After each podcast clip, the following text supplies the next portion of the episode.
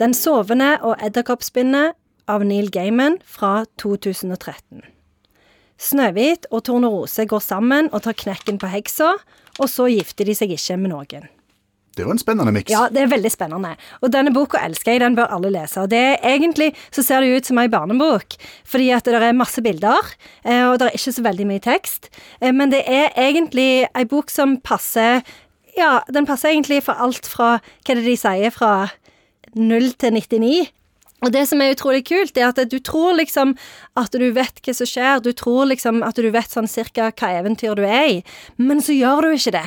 Og så viser det seg at monsteret er ikke den du tror, og at alt bare er liksom eh, noe helt annet enn det du kjente fra før, og så begynner du å se verden på en litt ny måte. Men vil vi kjenne igjen Snøhvit-eventyret og Tornerose-eventyret samtidig her? Ja, du kjenner det litt igjen, og det som er Jeg har ikke lyst til å fortelle for mye, fordi at denne her er egentlig gøyest å lese hvis du ikke vet så enormt mye om den, men, men du tror liksom at du vet hvem som er helten, eh, du tror du vet hvem som er skurken, men du blir overraska. Så du kjenner igjen Det er det som er så kult, for han spiller på at du kjenner eventyrene, og at du tror du vet hva som kommer, eh, men så gjør du ikke det likevel. Og han begynner Den første setningen er at kan, det kan være du tror at du kjenner denne historien, men her er det en mørk magi som er i ferd med å liksom ta fatt over deg, så det, det du tror du vet, det vet du egentlig ikke. Og så tror du du vet det likevel, og så gjør du ikke det.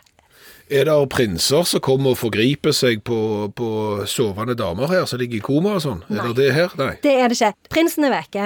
Det er en forlovede som du aldri får se, som hun sier nå må du nesten klare deg sjøl, for jeg skal ut og redde noen folk.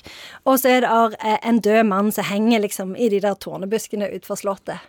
Men sover Tornerose i 100 år? Det er ei eh, tornerose som sover i 100 år. Det er der. Ah, ok. Og jeg ser jo Bjørn Olav driver og blar litt i den allerede. Jeg ble jo veldig fascinert når det er såpass mange bilder. Det ser ut som en litt avanserte tegneserie. Ja, og så må jeg jo òg få lov å være med ærlige del to. Mm.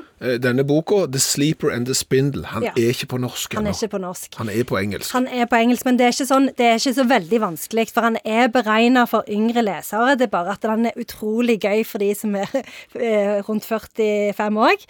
Og om det er litt det samme som du hadde blanda revet enka med Askeladden? Hvorfor får jeg ikke sånne spørsmål fra studentene? De har ikke forberedt seg sånn som vi har. Kunne du klart også funnet et sitat Ja. fra denne boka? Så da- Selvfølgelig. Ja. Jeg har jo jobbet med denne boka i opptil flere dager, så OK. De gikk østover, alle fire. Vekk fra solnedgang og landene de kjente, og inn i natten. Du hører at dette er en bra bok. Du hører det bare. Uh, Skjæveland, Mhm. kunne du tenkt deg å oppsummere Den sovende og edderkoppspinnet? Jeg skulle gjerne ha gjort det, men jeg tror rett og slett jeg vil si det sånn at den første som sender en mail til utakt, krøllalfa nrk.no, og oppsummerer denne boka, vil få bestått i det faget som eh, Janne Stigen Drangsholt nå underviser i. Det er det minste vi kan gjøre for deg, Janne. Jeg, jeg, jeg gleder meg. Jeg kjenner at det, jeg, jeg er nesten på gråten nå. Det blir løyd med en gang. Ja, det gjør det. det gjør det. Eller A, som vi kaller det nå. Okay. Det er dags. Jeg kom så langt, ja.